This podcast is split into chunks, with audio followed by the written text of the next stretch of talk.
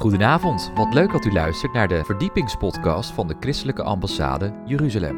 Mijn naam is Joshua Beukers en samen met Jacob Keegstra zoeken wij weer een onderwerp uit hoe de Hebreeuwse wortels een verdieping kunnen geven aan ons christelijk geloof. In aflevering 118 gaan wij het hebben over Chanukka. Een bijzonder interessante studie wederom van Jacob Keegstra. Wij wensen u veel luisterplezier.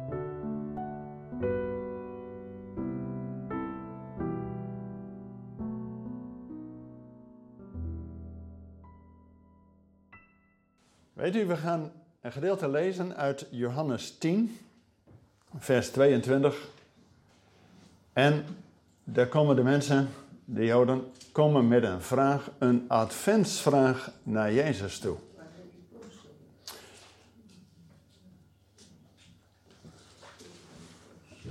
Een verwachtingsvolle vraag. Johannes 10, vers 22. En er staat, en het was feest van de inwijding van de tempel in Jeruzalem en het was winter.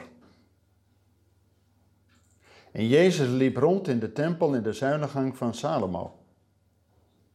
De Joden dan omringden hem en zeiden tegen hem, hoe lang houdt u ons nog in het onzekere? Als u de Christus, de Messias bent, zeg het ons vrij uit. En Jezus antwoordde hun: Ik heb het u gezegd en u gelooft het niet. De werken die ik doe in de naam van mijn Vader, die getuigen van mij. Maar u gelooft niet, want u bent niet van mijn schapen, zoals ik u gezegd heb. Mijn schapen horen mijn stem en ik ken ze en ze volgen mij. En ik geef een eeuwig leven en ze zullen beslist niet verloren gaan in eeuwigheid en niemand zal ze uit mijn hand rukken. Mijn Vader die hen aan mij gegeven heeft, is meer dan allen, en niemand kan hen uit de hand van mijn Vader rukken. Ik en de Vader zijn één. Even tot zover. Wat het mooie is van deze tekst, dat de Joden een vraag hebben en een verwachting. En dan gaan ze niet naar alles en iedereen, maar ze komen bij Jezus. Alleen, zij herkenden hem nog niet als de Messias. En ook Advent gaat aan de ene kant over de komst van de Heer, maar tegelijk ook over de wederkomst. Jongens, als we alleen leven in tijd van Advent, dat de Heer komt, ja, dat is al gebeurd. Ja toch? Je hebt net allemaal gezongen, het is volbracht. Ook dat is al volbracht. Maar Advent heeft ook een overstijgende trap over de wederkomst. En mooi van de Joden die Jezus omringden, die kwamen bij hem. Alleen het was toen de tijd nog niet dat hij zich als Messias, zoon van David, bekend maakte. Maar nog wel als iets anders. En daar gaan we het over hebben. Want hier staat, dat was tijdens het tempelinwijdingsfeest. Of tempelvernieuwingsfeest. Nou, ik heb even wat dingen meegenomen. Israël was gewend om de feesten van God te vieren. Pasen en Pinksteren in het voorjaar en Loofhuttenfeest in het najaar. Dat geeft ook structuur, want met Pasen begint de zomer en met Loofhuttenfeest begint de winter. Dus dat geeft ook houvast. Alleen in de geschiedenis zullen we zien dat ook Israël niet altijd de dingen kon doen die God had gezegd. Zo was er in het jaar 167 voor Christus dat er een heidense koning Israël binnenvalt en de tempel ontwijdt. Het licht van de menorah ging uit. Op het altaar, waar altijd een brandoffer voor de Heer werd aangestoken, werd notabene een varken geslacht. Nou, dat was niet koosje, en werd ter eer van Zeus, de oppergod, dat wil zeggen de antichrist, geofferd. En dat krinkte de wetsgetrouwe Joden. Alleen het heeft drie jaar geduurd voordat ze de tempel weer konden innemen. En toen wilden ze direct het altaar weer wijden aan de Heer. En ook de menorah weer aansteken, die zevenarmige kandelaar in de tempel. Alleen daarvoor heb je ook goedgekeurde olie nodig. Met het olie, met het zegen van de hoge priester. Ze vonden slechts één zo'n kruikje met olie, wat genoeg is voor één dag. Maar het heeft acht dagen nodig om weer nieuwe olie te produceren, die kosher is om in de tempel gebruikt te worden. Maar ze dachten, we gaan daar niet op wachten, we steken met het ene potje goedgekeurde olie die menorah aan. En toen deed God een wonder.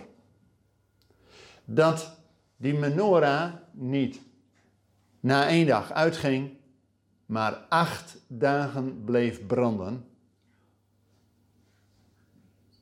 En vandaar dat ze dit feest vieren, niet met de menorah, die zevenarmige kandelaar, maar met een achtarmige. Alleen, als je goed telt, heb je hier negen. Omdat er één in het midden is, die heet de shamas, dat is de dienaar. En met de dienaar steek je de rest aan. En vanavond begint in Israël en wereldwijd dat lichtenfeest. Het Chanukka-feest. En wij geloven dat Jezus het licht der wereld is. Dat hij die dienaar is die het licht elders aansteekt. Als een beeld ook van Gods geest. In Israël, ja, nu de tempel er niet meer is, wordt dus de menorah niet meer aangestoken. Want de tempel is er niet meer. Maar heeft men thuis, nu juist in deze tijd, zo'n Chanukia, zo'n achtarmige. Maar eigenlijk vertelt dit nog meer het beeld dat Jezus het licht is en een beeld van Gods geest. En acht is ook nog te benen het getal van de Messias. Dus ook in dit feest komt er iets naar voren. En ik wil u meenemen in het verhaal wat Israël leest tijdens dit feest. Als een eye-opener hoe het kan dat de Joden die vraag hadden: Bent u nou die Messias? Ze lezen in Israël tijdens het Chanukka-feest het verhaal, het beroemde geschiedenis uit Genesis 44 en 45, waarin Jozef zich bekend maakt aan zijn broers. U weet, Jozef was de geliefde zoon van zijn vader. Hé, hey, Jezus is ook de geliefde zoon van de vader. En zoals over Israël alles is opgeschreven, ons tot voorbeeld, zo is zeker ook deze geschiedenis van Jozef als een beeld, als een type van de Messias. Dat Jezus ook de Messias ben Jozef is. Laten we kijken. Jozef was de geliefde zoon van zijn vader. Hij kreeg notabene ook van vader Jacob zo'n purperen kleed, zijn koningsmantel. Ja, logisch dat natuurlijk ook die andere broers dat toch een beetje... Ja, ik bedoel, lijkt me ook niet handig als vader om één van uh, je twaalf kinderen daar zo in het zonnetje te zetten. En dan krijgt die jongen ook nog twee keer een droom dat alles en iedereen voor hem gaat buigen. Ja, dat werkt ook niet mee om de onderlinge verhoudingen uh, gezellig te houden. Ja toch? En het feit dat hij het twee keer krijgt, zo'n droom, op basis van twee of drie getuigen. Maar die broers die werden jaloers en dan was het met name Juda die hem verkocht. Hou die even vast. En dan moet Jozef, die moet door de diepte heen. Jongens, dat leven in zo'n gevangenis daar in Egypte, dat was geen Bijlmer bias, hè? Met uh, Color TV en uh, weet ik wat. Nee, dat was de petoet. Ja, dat was niet fijn. Maar op Gods timing, als die farao ook twee keer een droom krijgt, hè, dan wordt Jozef uit de gevangenis gehaald en in naam van God mag hij die dromen duiden. Hij wordt tot onderkoning in Egypte. En u kent het verhaal van die zeven vette jaren dat Jozef bezig is om het graan en schuren op te tasten. En daarna komen de zeven magere jaren. Wat ik dan nooit begrepen heb, is dan als Jozef toch de op na machtigste man daar in Egypte is. Dat hij dan niet eventjes een karavaan naar vader Jacob stuurde en zegt, kom erbij. Hij hoefde maar te knippen met de vingers en er waren tien karavanen. Ja toch? Maar de tijd was nog niet ruim. En dan komt het, als die zeven magere jaren, dan gaat op een gegeven moment, lezen we in de tekst, dat de hele wereld kwam bij Jozef. En krijgt hij een eretitel. Safnat Paneas, redder der wereld. Wauw. Maar pas na twee jaar hebben ook de broers in Canaan honger. Tenminste, niet voldoende meer om te eten. Dus vader Jacob stuurt hen op rit richting Egypte en ze komen voor Jozef. Jozef herkent hen wel, hè? Maar zij hebben geen idee dat dat hun broertje is. Jongens, de lijn even doorgetrokken. Wat hebben wij met Jezus gedaan? Als je al die mooie schilderijen van Rembrandt en zo ziet, is Jezus totaal niet Joods meer. Ook Jozef was gekleed als een Egyptische farao, onherkenbaar voor zijn Joodse broeders.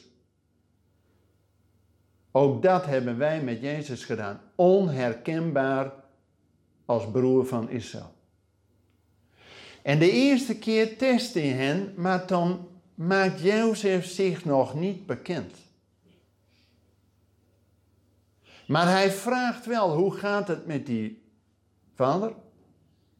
En hebt u nog een broer?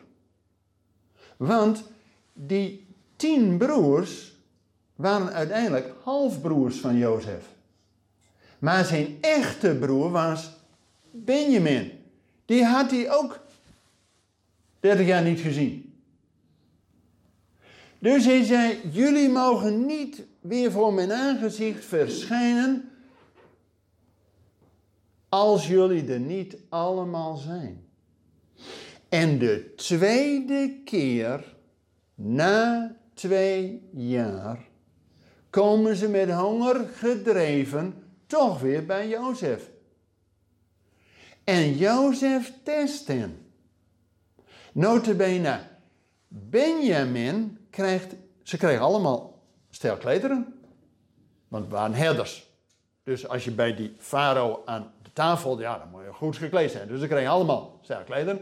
Maar Benjamin, vijf klederen. Vijf is het getal van de genade. Maar ook vijf keer zoveel. Om te kijken, zijn die broers ook nog jaloers of niet? Nou, ze eten en drinken en de volgende dag vertrekken ze weer met koren maar de zilveren beker van Jozef in de zak van Benjamin. Dus aan het eind van de dag zijn politie erop af en je kent het verhaal. Dus Benjamin moet terugkomen. Maar ze gaan allemaal. En nu komt de ontknoping. Nu komt de ontknoping. Dit lezen we in Genesis 44. Vers 18. Toen trad Juda op hem toe. Juda heeft nog geen idee hè, dat dat Jozef is die hij 30 jaar daarvoor verkocht had. Hè? Was Juda. Niet Ruben, Juda. En dan staat er, toen trad Juda op hen toe en zei, Och mijn heer, laat uw dienaar toch een woord en aanhoor van mijn heer horen spreken en ontsteek niet de woede tegen uw dienaar, want u bent als farao. En dan, vers 32, uw dienaar heeft zich namelijk bij mijn vader borg gesteld voor de jongen door te zeggen, als ik hem niet bij u terugbreng, dan sta ik alle dagen bij mijn vader in de schuld. Nu dan, laat uw dienaar toch in plaats van deze jongen de slaaf van mijn heer blijven en laat de jongen met zijn broers gaan. En pas wanneer Juda de les geleerd heeft dat hij de minste wil zijn, dan kan Jozef het niet langer harden en zegt tegen al die Egyptenaren eruit. En dan pas maakt Jozef zich bekend aan zijn broers. Jongens, dit is zo'n profetische geschiedenis. We weten dat Jezus de eerste keer kwam om de Jesaja 53 rol te vervullen. Dat hij de dienaar, de knecht der knechten, er doorheen wilde gaan. Dat is het beeld van Jozef, dus de Messias, zoon van Jozef, die ook door het lijden heen tot heerlijkheid. En de tweede keer bij de wederkomst komt Jezus als Messias, zoon van David, om op de troon van zijn vader David te gaan zitten. En als juist met dat Genoeka-feest die vraag wordt gesteld aan Jezus, bent u nou de Messias? Hij was er al. Maar hij is nog niet de Messias in de zin zoals de Joden verwachten, dat hij gaat zitten op de troon van zijn vader David en dan zal er vrede zijn op de ganse aarde. Maar weet u, dit verhaal van Hanukkah heeft twee kanten. Ik heb net het mooie gedeelte verteld over het verwachten van die komst van de Messias. En dat gaat gebeuren. En wanneer? wanneer Israël voltallig weer in het land is. En daarom is het ook een voorrecht dat wij als Messiah meehelpen om de Joden terug te brengen. Want Jezus komt pas weer, lezen we in Matthäus 23, wanneer ook Israël en vooral Jeruzalem zegt, gezegend hij die komt. En dat komt pas als ze er allemaal zijn. Hè? En daarom is die Aliyah, die terugkeer van Israël, niet zo van belang. We zitten bijna op het punt dat er meer Joden in Israël wonen dan nog in de wereld zijn. Dus straks zijn de meerderheid in ieder geval al in het land. En God zegt, ik zal er geen één achterlaten. Jongens, en wanneer maakte Jozef zich nou bekend aan zijn broers? Toen al die Egyptenaren eruit waren. Jongens, we hebben nu een fase, en ook Israël zet de boel weer in lockdown. Er is geen toerist, geen buitenlander, geen Egyptenaar in Israël. We bidden dat God nu met zijn geest ook tot het hart van zijn volk gaat spreken. En waarom hebben we daar alle hoop op? De vorige lockdown in 1991 met Saddam Hussein en met die skudraketten. Toen was Israël toen ook in lockdown. Daarna zijn er verschillende Messiaanse gemeentes zomaar ontstaan. Dat is een nieuwe golf van Gods overwinning. En als nu Israël ook anderhalf jaar in lockdown is, Zodra dit wat weer openkomt, wellicht dat er weer nieuwe worship leiders opstaan. En nieuwe leiders, een nieuwe generatie. Want we zullen nog eenmaal 144.000 getuigen uit Israël de wereld over zien gaan. Dus als u nou bidt voor zending en evangelisatie, kun je het beste bidden dat Israël tot geloof komt. Maar dan krijg je er nog 144.000 getuigen gratis bij. Nou, dan gaat het even wat harder. Maar er is ook een andere kant aan dat Genoeka-feest. Het Genoeka-feest werd gevierd omdat de tegenstand de tempel had ontwijd. En dat kwam niet zomaar. Die Antiochus Epiphanes IV vanuit Syrië, die kwam op uitnodiging. Want die hele Griekse cultuur daar in de omgeving van Israël, die was ook in Israël doorgedrongen. Dat heidense denken. En sport stond op nummer 1. En als je in die tijd ging sporten, was, deden dat, gymnastiek was helemaal naakt. En dan was het ineens duidelijk dat de Joodse mannen besneden waren. Dus die probeerden dat aan alle kanten te verdoezelen, want anders konden ze niet meedoen met die Olympische Spelen. Dus Israël kwam steeds meer in de ban van dat heidense denken. En ook de Bijbel zegt in Zachariah 9 dat God een vijandschap zet tussen de zonen van Sion en de zonen van Griekenland. Tussen het Hebreeuwse denken en het wereldse denken. En ook dat wereldse denken, dat is ook in Nederland troef, hè? Ja. ja. bedoel, bij vorige rampen ging er nog een nationale gebedsdag. Ja. Nu hoor je niks. Kerken zijn ook alweer half gesloten, noem alles maar op. Maar jongens, daarom is de uitdaging van Genoeka dat we het licht mogen aansteken. Hè? Want in de wereld is geen hoop. God wil ons gebruiken om tot lichtdragers te zijn in deze wereld. En daarom is niet alleen Advent, maar ook vooral in Israël, dat Chanukka-feest, dat je de tempel weer inwijdt. En weet u, wij zijn, ook ons lichaam is een tempel van de Heilige Geest. En die menorah is een beeld van de lichtdrager van Gods Geest. En we weten, die gelijkenis die Jezus had met die tien maagden, die hadden allemaal een advent, hè? Die gingen met verwachting op rit. Want die wilden het bruidegom binnenhalen. Maar ja, het werd donker en het werd lang en het duurde en de moeilijkheden en omstandigheden. Noem maar, hè. Je zou bijna vandaag kunnen zijn. En ze sliepen allemaal in, hè. En toen kwam de wake-up call, de shofar. Alleen vijf hadden voldoende olie. En de les van Genoeka is, we hoeven maar één kruikje voor één dag te hebben, dan doet God een wonder. En die vijf die niet voorbereid waren, geen olie hadden, kwamen de maaltijd des Heeren, de bruiloft van het land, niet binnen. Hè? Jongens, dit is een hard gelach, hè? De helft valt gewoon af.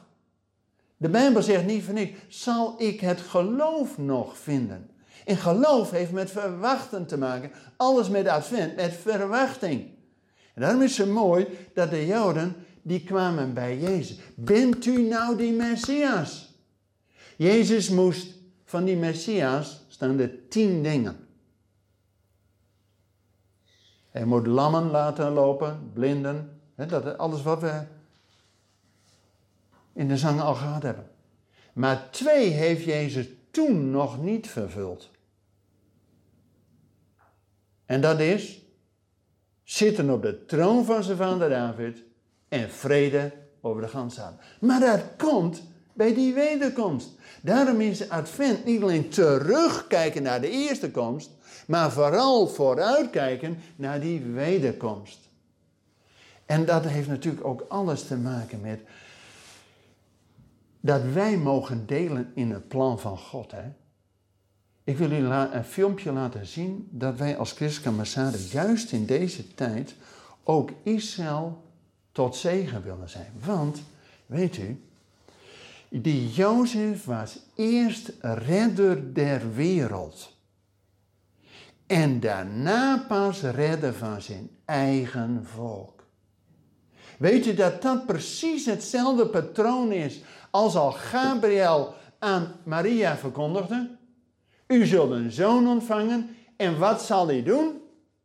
Hij zal gesteld worden tot een licht, tot openbaring voor de volkeren. Dat is nummer één. En het evangelie is vanuit Jeruzalem de wereld doorgegaan. Het is bijna de wereld rond. En de tweede is, wat Gabriel al aan Maria profeteerde, hij zal daarna ook zijn tot heerlijkheid voor zijn volk Israël. En heerlijkheid heeft alles met die Shekinah-glorie te maken, die in die tempel was. Dat het licht van God nooit uitging. En dat is onze verwachting. En daarin mogen wij ook meewerken in het plan van God. En als wij tot geloof gekomen zijn door het evangelie, wil dus niet zeggen, nou dankjewel Israël, we hebben alles ontvangen. We hebben uh, Gods woord via Israël ontvangen. Gods zoon en Gods geest, dankjewel. Nee, God zegt, als wij tot geloof gekomen zijn, is dat om Israël tot jaloersheid te brengen. Want het is toch gek, mensen, dat wij als Nederlanders, als gelovigen in Nederland, wij dienen niet meer de God van de Nederlanders. Hè? Van Wodan en Donar en Franja en die hele rattenplan erbij. Nee, wij als gelovigen dienen de God van Abraham, de God van Isaac en de God van Jacob. Dan zouden wij toch ook nou juist tot Israël een getuige moeten zijn van Israël. Wordt het nou niet tijd om in jullie eigen God te gaan geloven? En dat doe je niet door woorden, maar door daden. Daarom wil ik een filmpje laten zien wat wij als christelijke in Israël mogen doen als een getuigenis om ook een andere wang van Jezus te laten zien. We hebben 2000 jaar lang vervangingstheologie gehad, maar nu krijgen we de kans van God om Israël tot jaloersheid te wekken. Zodat we samen uitzien naar die grote dag, verwachtingvol in advent. Hij komt als de Messias, zoon van David. Bedankt voor het luisteren naar deze verdiepingspodcast van de ICEJ. Waardeert u onze podcast? Steun ons dan. Ga naar onze website icej.nl of deel deze podcast met uw vrienden of familie. Alvast bedankt. Dit was het einde van de podcast. Wij willen hartelijk bedanken voor het luisteren en volgende week volgt er uiteraard weer een nieuwe. Luistert u weer met ons mee? Ik hoop van wel. Bedankt voor het luisteren en tot volgende week.